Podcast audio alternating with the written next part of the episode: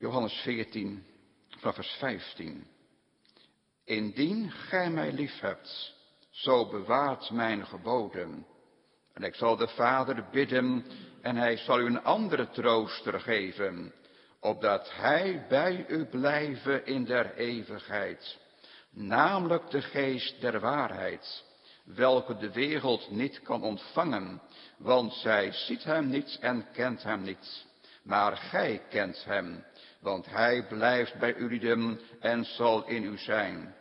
Ik zal u geen wezen laten, ik kom weder tot u, nog een kleine tijd, en de wereld zal mij niet meer zien, maar gij zult mij zien, want ik leef en gij zult leven.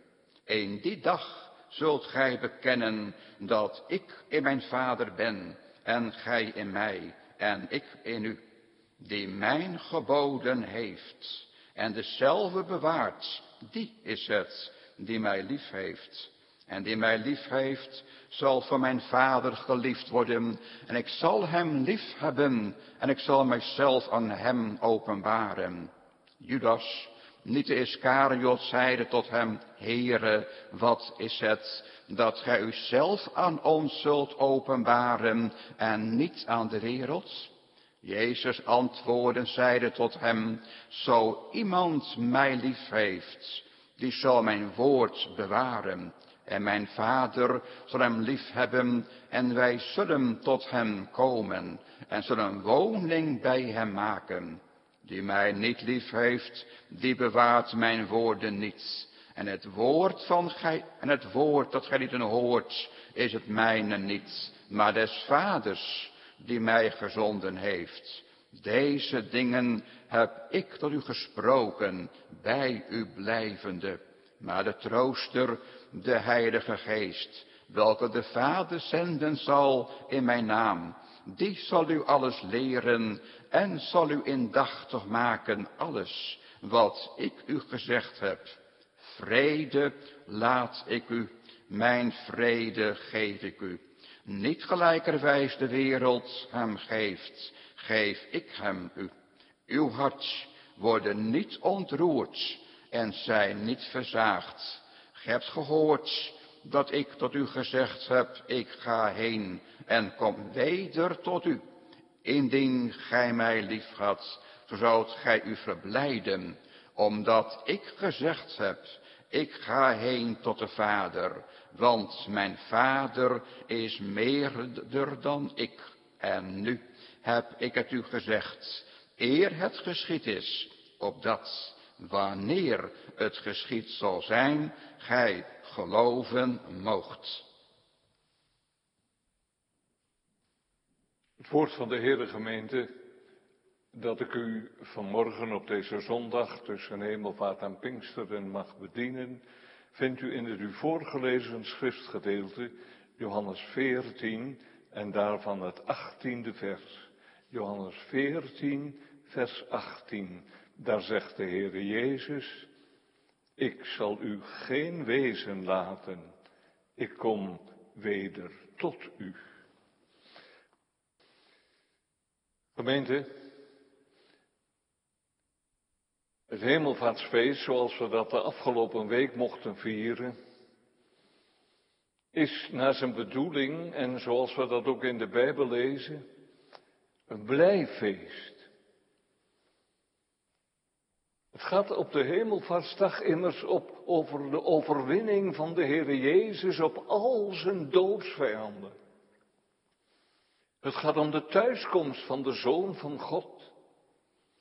Om de troonsbestijging van Hem die alle macht heeft ontvangen in hemel en op aarde. Psalmen zingen daarvan. De Heer heeft zich als de allerhoogste koning een troon gevest in zijn hemelwoning. En al die andere koningspsalmen die we ook in de afgelopen week gezongen zullen hebben, psalm 68, psalm 47, Jezus is koning. Hij heeft alle macht en alles is aan hem onderworpen. Maar op het moment dat we dat tegen elkaar gezegd hebben, En wanneer wij een beetje bijbelgetrouw willen denken, dan zijn we het daar ten volle mee eens natuurlijk. Realiseren we ons ook dat hemelvaart een heel moeilijk feest is. Die wolk die hem wegnam van voor de ogen van de discipelen die daar op die olijfberg naar boven stonden te turen en daar de meester zagen verdwijnen achter die wolk die hem naar zijn vaderhuis droeg. Die wolk, dat is niet alleen een probleem voor de wereld die zijn schouders ophaalt over hemelvaart en die ermee spot en die erover lacht. Nee, ook Gods kerk en Gods kind zeggen het nogal eens een keer met de woorden die je bijvoorbeeld in de Hebreeënbrief tegenkomt. Wij zien nog niet dat hem alle dingen onderworpen zijn. Wij kijken aan de onderkant tegen die wolk aan. En die wolk die wordt hoe langer hoe dikker en die wordt hoe langer hoe donkerder en hoe langer hoe dreigender. En het gevolg van die werkelijkheid is dat hemelvaart voor onze ervaring vaak helemaal geen feest is. Een oud lied zegt dat ook, ach was Jezus nog op aarde. Eilings vloot ik naar hem heen. Wij zijn de achtergeblevenen. Wij zijn de mensen die alleen gelaten zijn. En heel vaak zijn we geneigd om dat venijnig te zeggen. In de steek gelaten. En zelfs als ik weet van die koning die ons van Israëls God is gegeven, dan zijn er nog zo vaak van die momenten op dit ondermaanse, dat de mens zegt, mijn voeten waren in mijn leed schier uitgeweken. De werkelijkheid is zo anders dan dat het evangelie van hemelvaart ons wil leren. En zo mogen we dan vanmorgen gaan luisteren naar onze tekst. Naar een woord van de Heere Jezus dat Hij heeft nagelaten voor zijn kerk na hemelvaart. En het is heel verrassend om dan te ontdekken. Hij kent de gedachten. Hij weet de overwegingen. Hij kent ook de vragen. Hij voelt als het ware de pijn van hen die moeite hebben met hemelvaart. En in Johannes 14 is hij daarop ingegaan. Voordat hij naar de hemel voer. Naar een van die woorden die we vinden in Johannes 14 willen wij vanmorgen samen luisteren. Wij horen daarin een woord van de Heer Jezus voor zijn achterblijvende discipelen. En we ontdekken dan drie dingen als we daar bidden naar luisteren. Het is een woord ten eerste vol ontdekking. Een woord ten tweede vol bemoediging. Een woord ten derde vol vertroosting. Een woord van Jezus voor zijn achterblijvende discipelen. Een woord ten eerste vol ontdekking, ten tweede vol bemoediging en ten derde vol vertroosting. De Heer Jezus is in die hoofdstukken waaruit we vanmorgen ook een tekst gekozen hebben, voortdurend bezig om zijn discipelen voor te bereiden op het feit dat hij zal heen gaan. En terwijl het nog is voor het kruis en voor het graf, spreekt hij over zijn heengaan als een heengaan naar het kruis, het heengaan naar de dood, maar ook tegelijkertijd zijn heengaan naar de hemel, naar de Vader. Het is voor de discipelen geen onverwachte zaak dat de Heer Jezus nu binnenkort niet meer door hen gezien kan worden. Hij laat hen achter. En hij laat hen achter niet zonder troost en niet zonder bemoediging. En een van de woorden waarin dat heel duidelijk blijkt, is het woord van onze tekst van vanmorgen. En het eerste wat we dan ons afvragen is, wat bedoelt de Heer Jezus wanneer hij in dit achttiende vers zegt, ik zal u geen wezen laten. Eigenlijk zal dat voor de meesten van ons wel duidelijk zijn, ook voor de kinderen, de jongens en meisjes die thuis meeluisteren, rond de tafel of samen op de bank zittend. Die kinderen die weten allemaal heel goed, een wees dat is iemand die geen vader en geen moeder meer heeft. Misschien zijn er jongens en meisjes die wel wat hebben gelezen over de Tweede Wereldoorlog en iets hebben gehoord over het verschrikkelijke leed dat aan het Joodse volk is aangedaan en dat er zoveel kinderen die vader en moeder zijn kwijtgeraakt door dat nazi-geweld achtergebleven zijn als wezen. En andere kinderen denken misschien aan wat ze wel eens gelezen of gehoord hebben over wat zich op de Griekse eilanden afspeelt, waar zoveel vluchtelingen uit het Midden-Oosten zijn samengekomen en waar ook zo heel veel kinderen tussen zitten die geen vader of moeder meer hebben of die ze allebei in het gewoel van het vluchtelingenleven zijn kwijtgeraakt. Wezen. Dan heb je geen moeder meer die je troost, geen vader meer die je geruststelt, geen ouderlijk huis waar je een toevlucht mag vinden en waar je kunt schuilen tegen alles wat je bedreigt. We kennen ze ook in onze moderne maatschappij, in onze samenleving, waarin zoveel kinderen de dupe worden van gebroken en verbroken huwelijken. Onze jongens en meisjes komen ze misschien wel tegen. En misschien is er wel een enkele die ook weet van die werkelijkheid, wat dat is om wees te zijn, om geen vader meer te hebben, geen moeder meer te hebben. Kinderen die de dupe zijn geworden van wat er gebeurde in het gezin. Kinderen die door een of andere man verwekt zijn, maar die in de verste verte niet weten wie hun vader, wie hun biologische vader is. Of die een vader hebben die geen vader is omdat hij verslaafd is aan alcohol, omdat hij zijn kinderen misbruikt, omdat hij bij zijn gezin wegloopt. Dat is de trieste realiteit in de wereld van 2020, waarin onze kinderen opgroeien, wezen. Dan ben je hulpeloos, dan ben je troosteloos, dan ben je onbeschermd, dan heb je geen dak boven je hoofd en je hebt geen toekomst voor je. Je bent prijsgegeven aan de liefdadigheid van, van vreemde mensen. Wezen, het zijn de meest kwetsbaren van onze wereldwijde samenleving.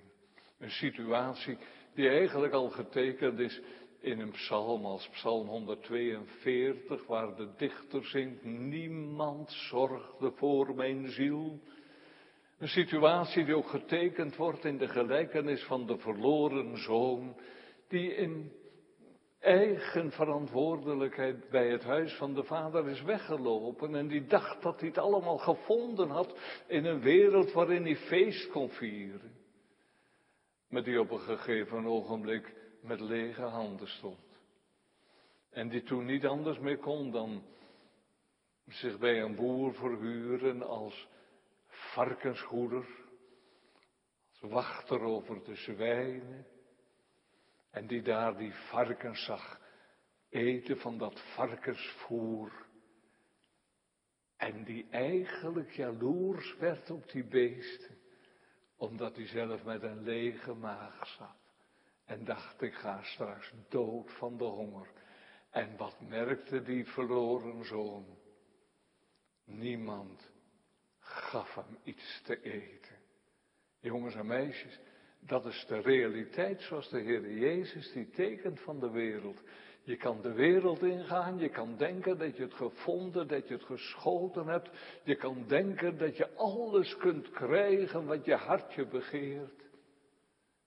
Maar het laatste is, je zit met een lege maag achter de varkens. Je bent jaloers op dat varkensvoer. En je komt tot de conclusie, Er is niemand die het je geeft. Nou, dat is het ontdekkende wat er allereerst zit in het woord van de Heer Jezus in onze tekst. Ik zal u niet als wezen achterlaten. Want als de Heer Jezus dat zo zegt, dan zegt hij daarmee tegelijkertijd ook dat we dat uiteindelijk wel zijn.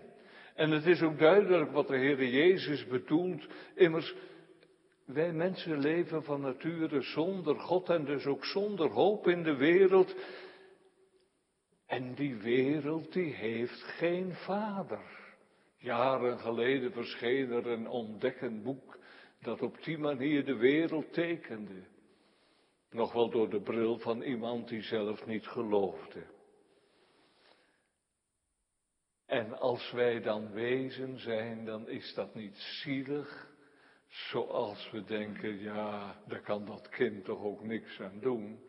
Nee, de Bijbel laat ons zien dat dat schuld is, dat wij God de rug hebben toegekeerd. Wij zijn weggelopen. Wij hebben daarvoor gekozen. Vrijwillig en moedwillig. Wij dachten dat we God er niet bij nodig hadden. Maar dat wij ons in de wereld best zelf konden redden. Wezen.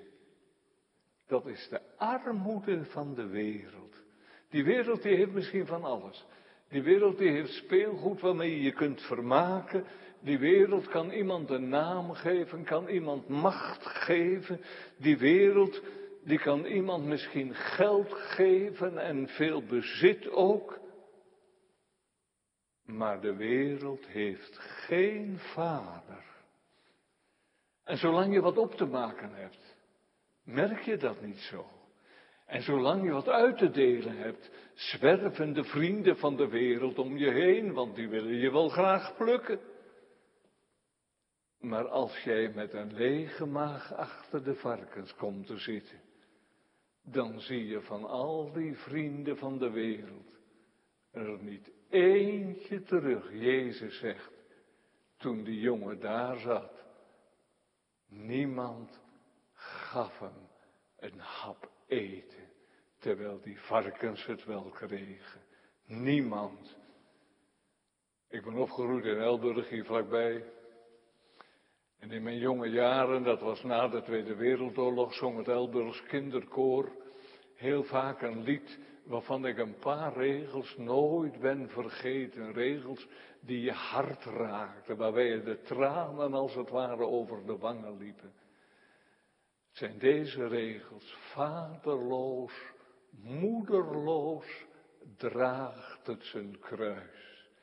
Een kind van ellende verdreven van huis. Nou, dat is een wees. En de vraag die natuurlijk naar ons toe komt, hier in de kerk en thuis. Zijn wij dat? Ik kan me best voorstellen, er zijn mensen die op dit moment een beetje de wenkbrauwen fronsen thuis en die denken, dominee, je ziet me hier nou niet, maar ik ben best een kerkelijk mens hoor en ik leef godsdienstig. Ja, daar heb ik het nou niet over. Ik vraag het aan u en aan jou.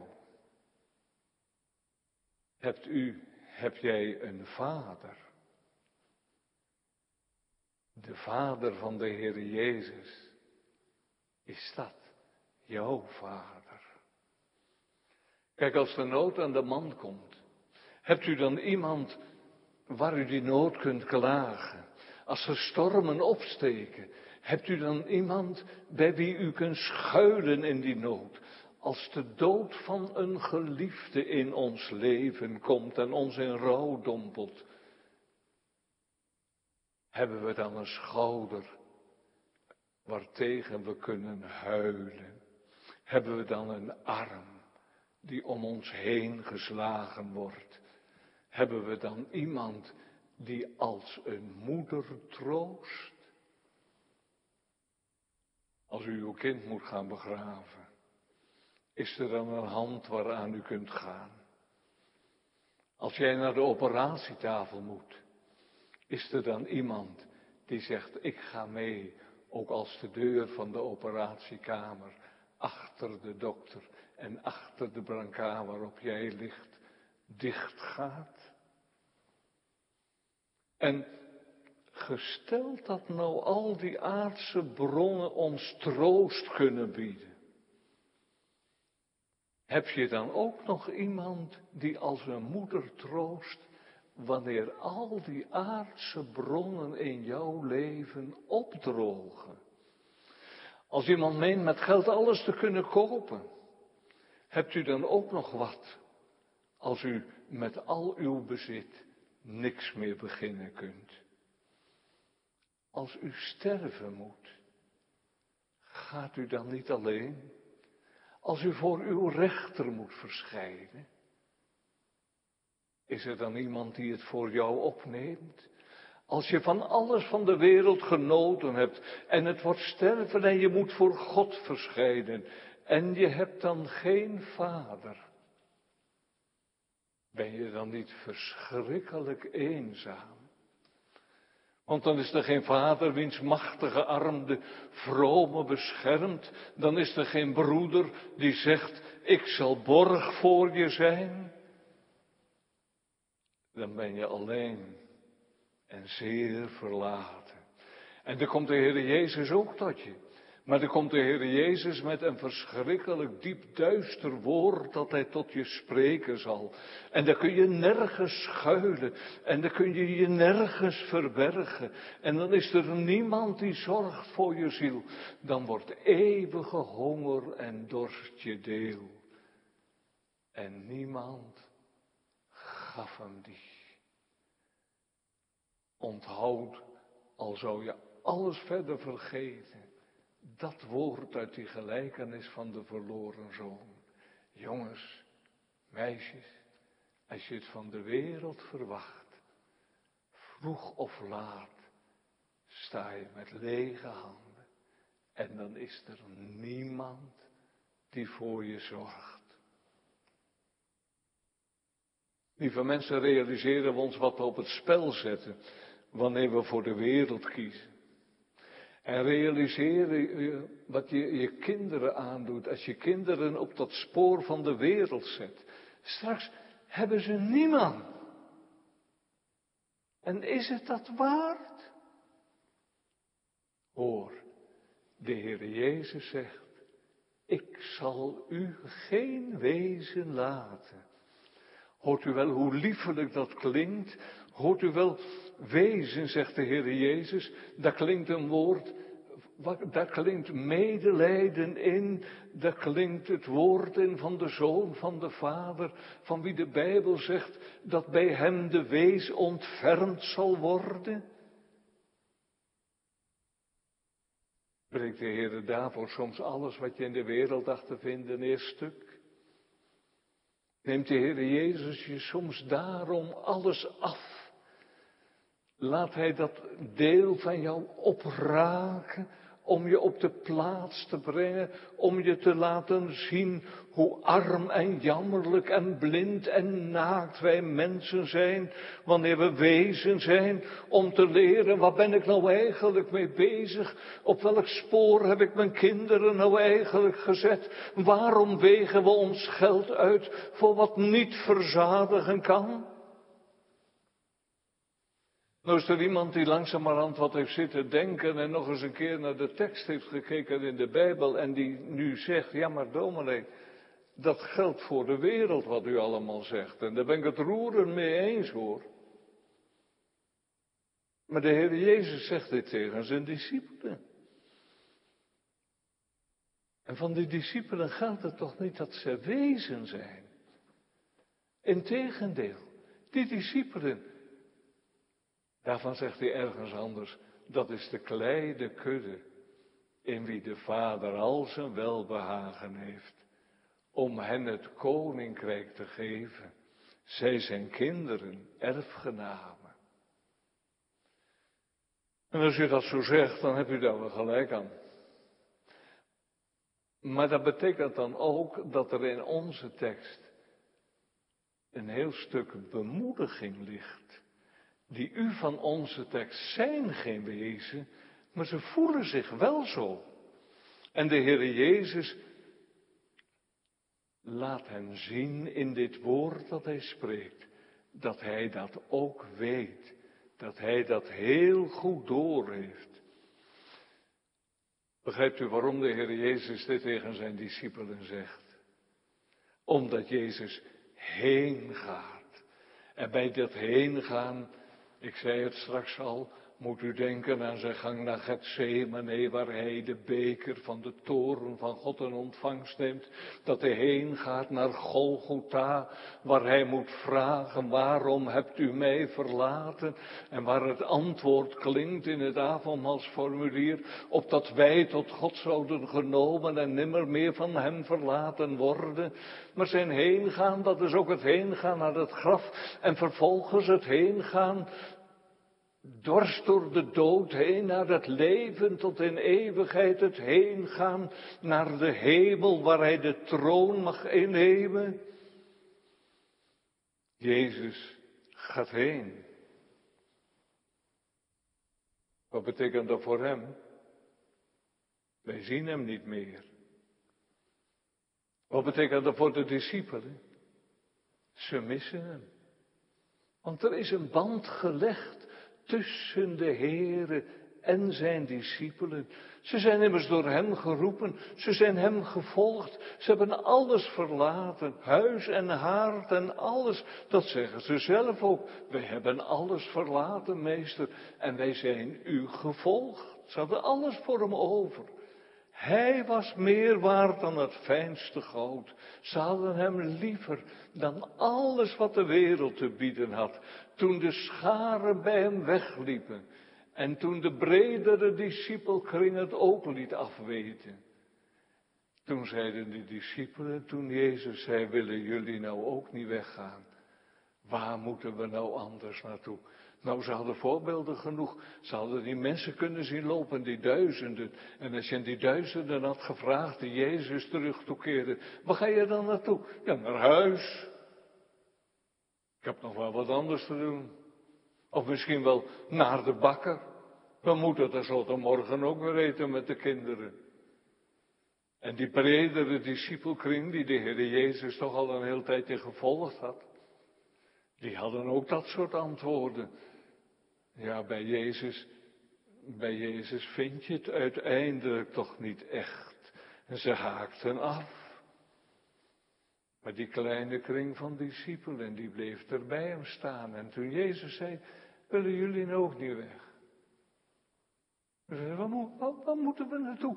En dan zie je die Petrus, die overal altijd een antwoord op dacht te hebben en die altijd wel een oplossing weet. Dan zie je hem eigenlijk met zijn handen in de lucht staan. Heer, zonder u, waar moet ik in de vrede naartoe? Ze begrepen er nog een heleboel niet van.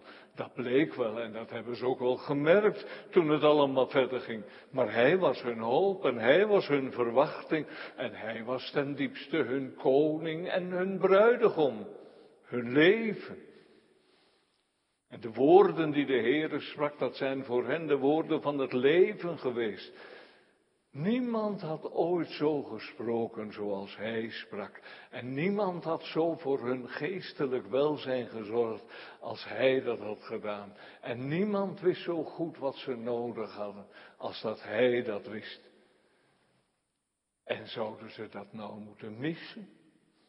Zouden ze hem nu moeten loslaten? En in deze barre wereld zonder de Heere Jezus verder moeten? Als wezen, als kinderen zonder vader. Kijk, en in die situatie is onze tekst ook een tekst vol bemoediging.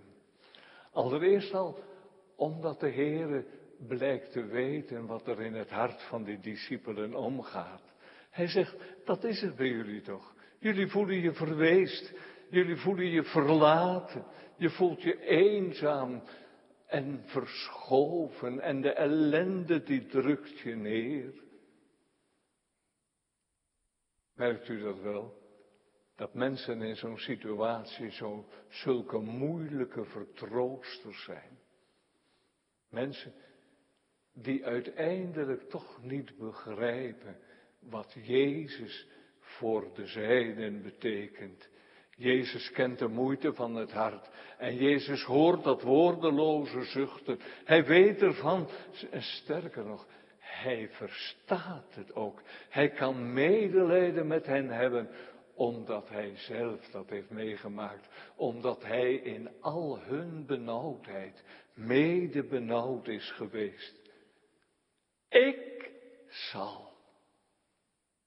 Zo spreekt hij tegen die discipelen die zich wezen voelen. Ik zal. Dat is een woord van hem die weet wat het is. Straks, dan zijn die mensen eenzaam en verlaten. Straks, dan zal hij dat ook zijn. Dan is het vaderhuis voor hem gesloten. Dan zal hij als een wees zijn. Die moet zeggen, niemand zorgde voor mijn ziel. Niemand die enige verkwikking te bieden heeft in die benauwde situatie op het kruis van Golgotha. Mag ik nou eens vragen? Zitten er hier of zitten er thuis mensen die zichzelf langzamerhand toch een beetje gaan herkennen? Mensen die en Jezus missen, die ze niet meer missen kunnen. Mensen die zeggen, kijk die omstandigheden van mijn leven, die pijn die ik heb, die ziekte die ik meedraag, dat verdriet dat ik heb om het verlies van geliefden. Is zwaar hoor. Maar het is te dragen.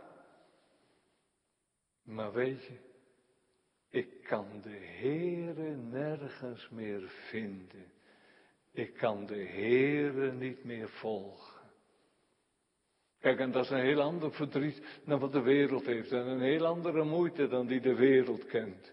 Ze hebben andere tijden gekend. Ze hebben de tijd gekend dat ze gezegd hebben, heren, tot wien zouden we heen gaan dan tot u? Want u hebt de woorden van het eeuwige leven. En het was er zo goed om met de heren te zijn. En in de grootste smarten bleven hun harten in de heren gerust. Mensen die getekend worden in die prachtige woorden van de Dordtse leerregels, die zeggen, de aanschouwing van het verzoende aangezicht van God is voor de zijnen zoeter dan het leven, terwijl de verberging van dat aangezicht van God bitterder is dan de dood. Dat is de nood van deze mensen. Ze zien het al voor zich. Straks zijn we Jezus gewijd. En de een zegt dat betekent dat alle hoop mij totaal ontvalt. En de ander zegt, dan zal ik tegen God mijn steenrot spreken. Waarom, Heere, vergeet ge mij? En de derde die zegt, Waarom ga ik in het zwart vanwege des vijands onderdrukking? O God, wat is nou eigenlijk uw bedoeling met deze donkere weg en met die wolken die het uitzicht benemen? Maar ik vraag, en kent u dat? Weet u daarvan in uw leven? Jezus te missen terwijl je Jezus niet meer missen kunt. Er kunnen er allerlei oorzaken voor zijn. En dan denk ik aan een aantal voorbeelden om u wat te helpen. Dan denk ik aan Simon Petrus, die buiten de poort van het paleis van Caiaphas staat te huilen omdat hij zijn meester verlogend heeft. Zonde, die scheiding maakte tussen hem en u. En dan denk ik aan Thomas, die vanwege zijn ongeloof in het donker zit, terwijl het licht van Pasen al lang is opgegaan. Is dat de oorzaak bij u, het ongeloof, het kleingeloof?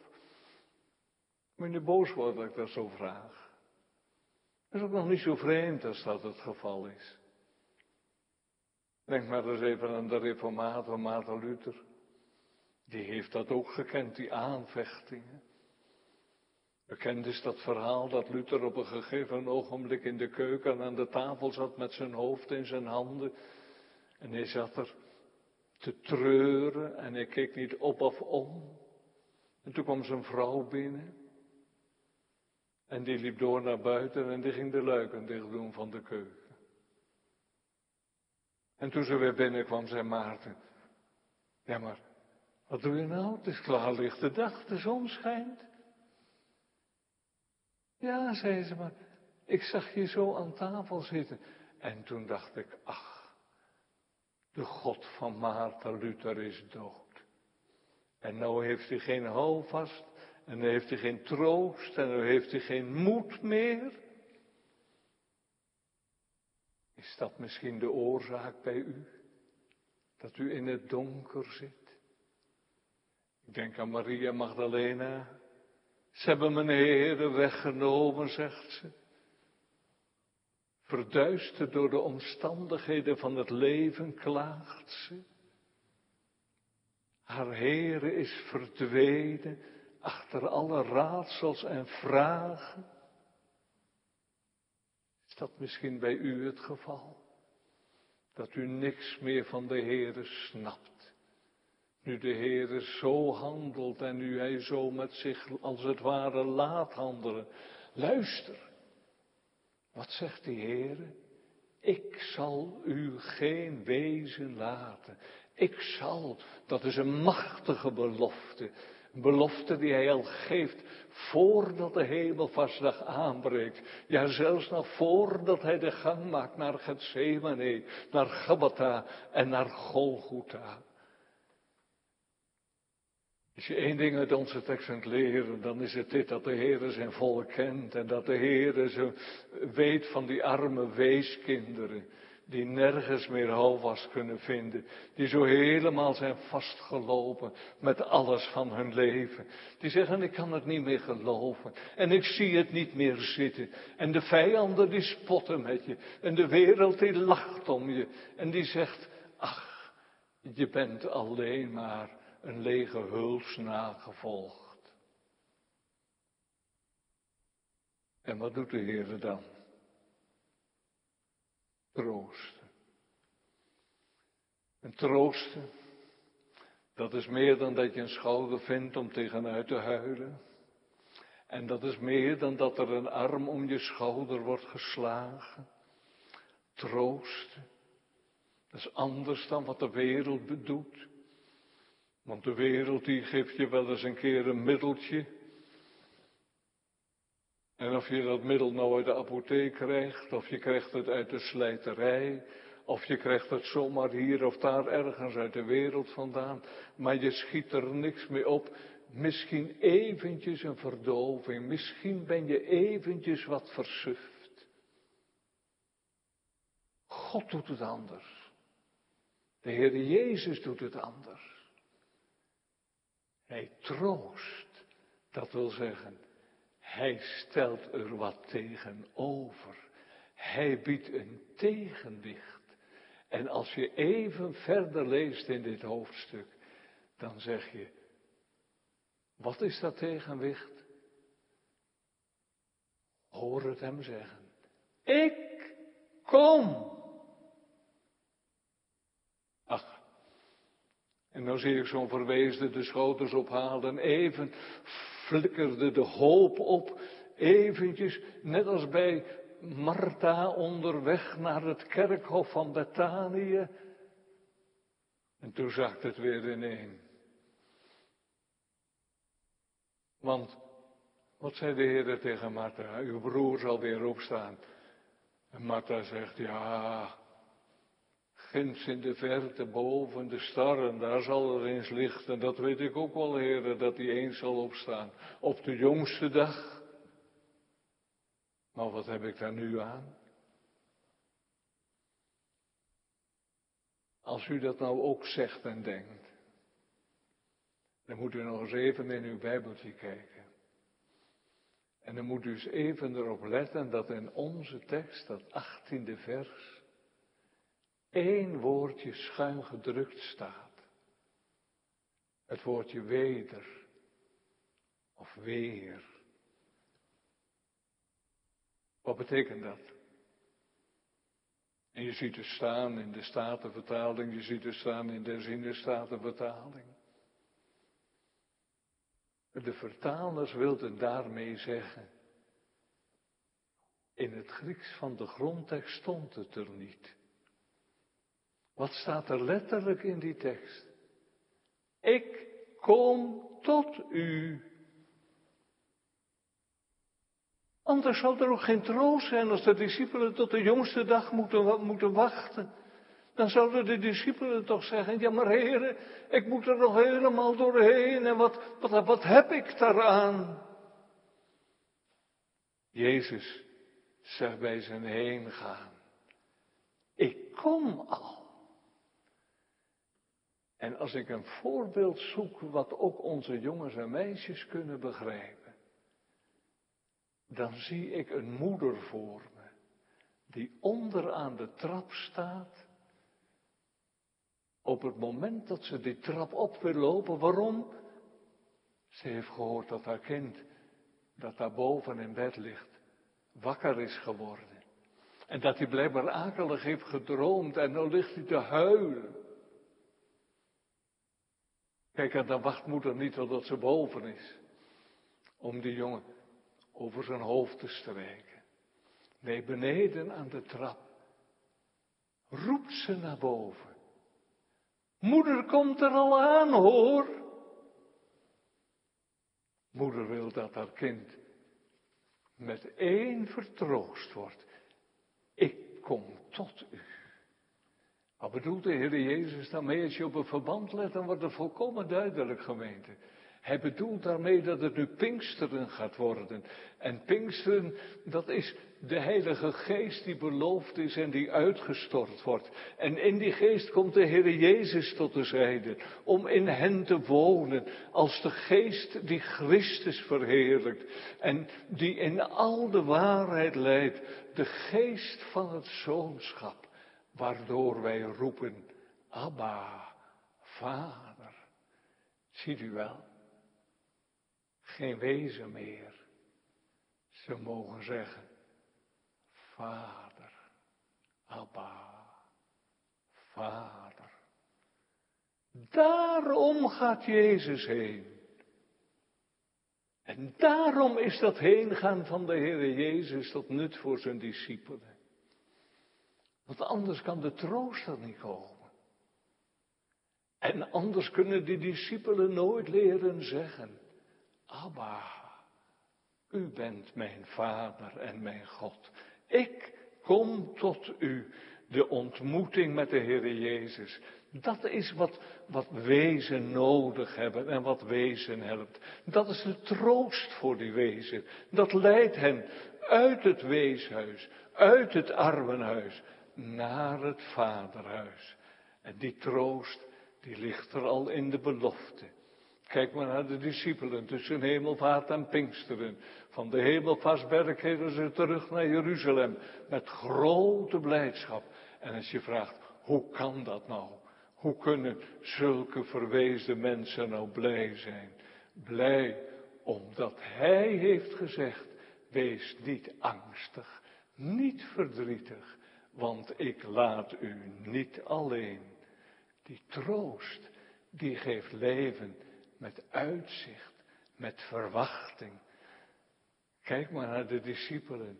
In de tijd tussen hemelvaart en Pinksteren. Ze zijn eendrachtig in gebed om de vervulling van die belofte van de Heer Jezus Christus. Petrus zit er, die gezondigd had. Thomas zit er, met zijn kleingeloof. Maria Magdalena, die het niet meer zag zitten. Wat zeggen ze tegen de Heere? Heere, u hebt het toch gezegd. Vervul dan ook uw belofte. Ik hoop in al mijn klachten op uw onfeilbaar woord. Ja, en dan is het waar, die troost die vind je vooral in de vervulling van die belofte. Dat kan ook niet anders. Slechts in Christus zelf gemeente is die vervulling te vinden. Daar waar we de Here zien, daar waar we de Here ontmoeten. Dat zie je meteen na Pasen al, als de Here is opgestaan. Als de Here verschijnt in de kring van zijn discipelen, dan lezen we dat er blijdschap in de harten kwam. en verheuging. Dat is het nut van de hemelvaart. Dat mensen, wezen tot kinderen aangenomen worden.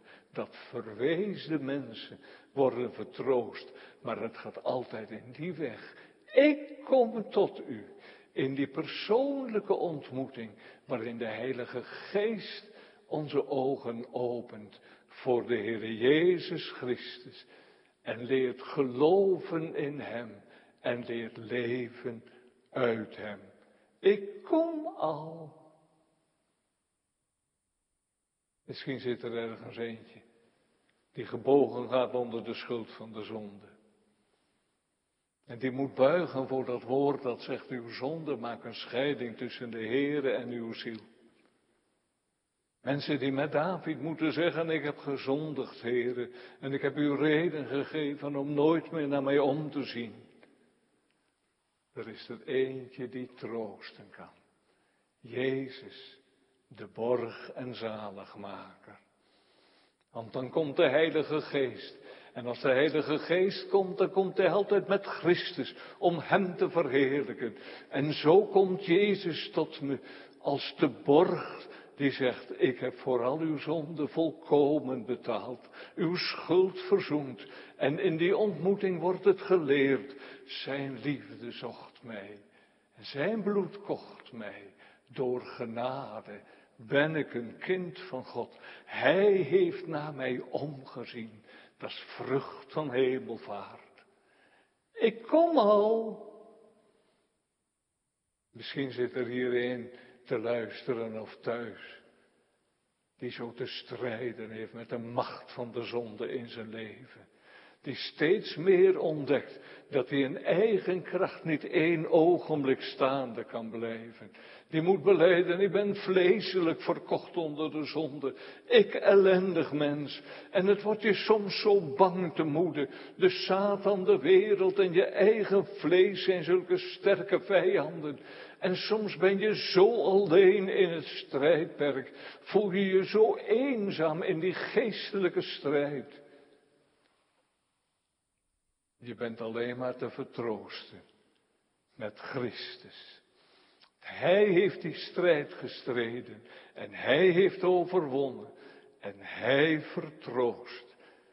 En hij zegt, ik heb alle macht in hemel en op aarde.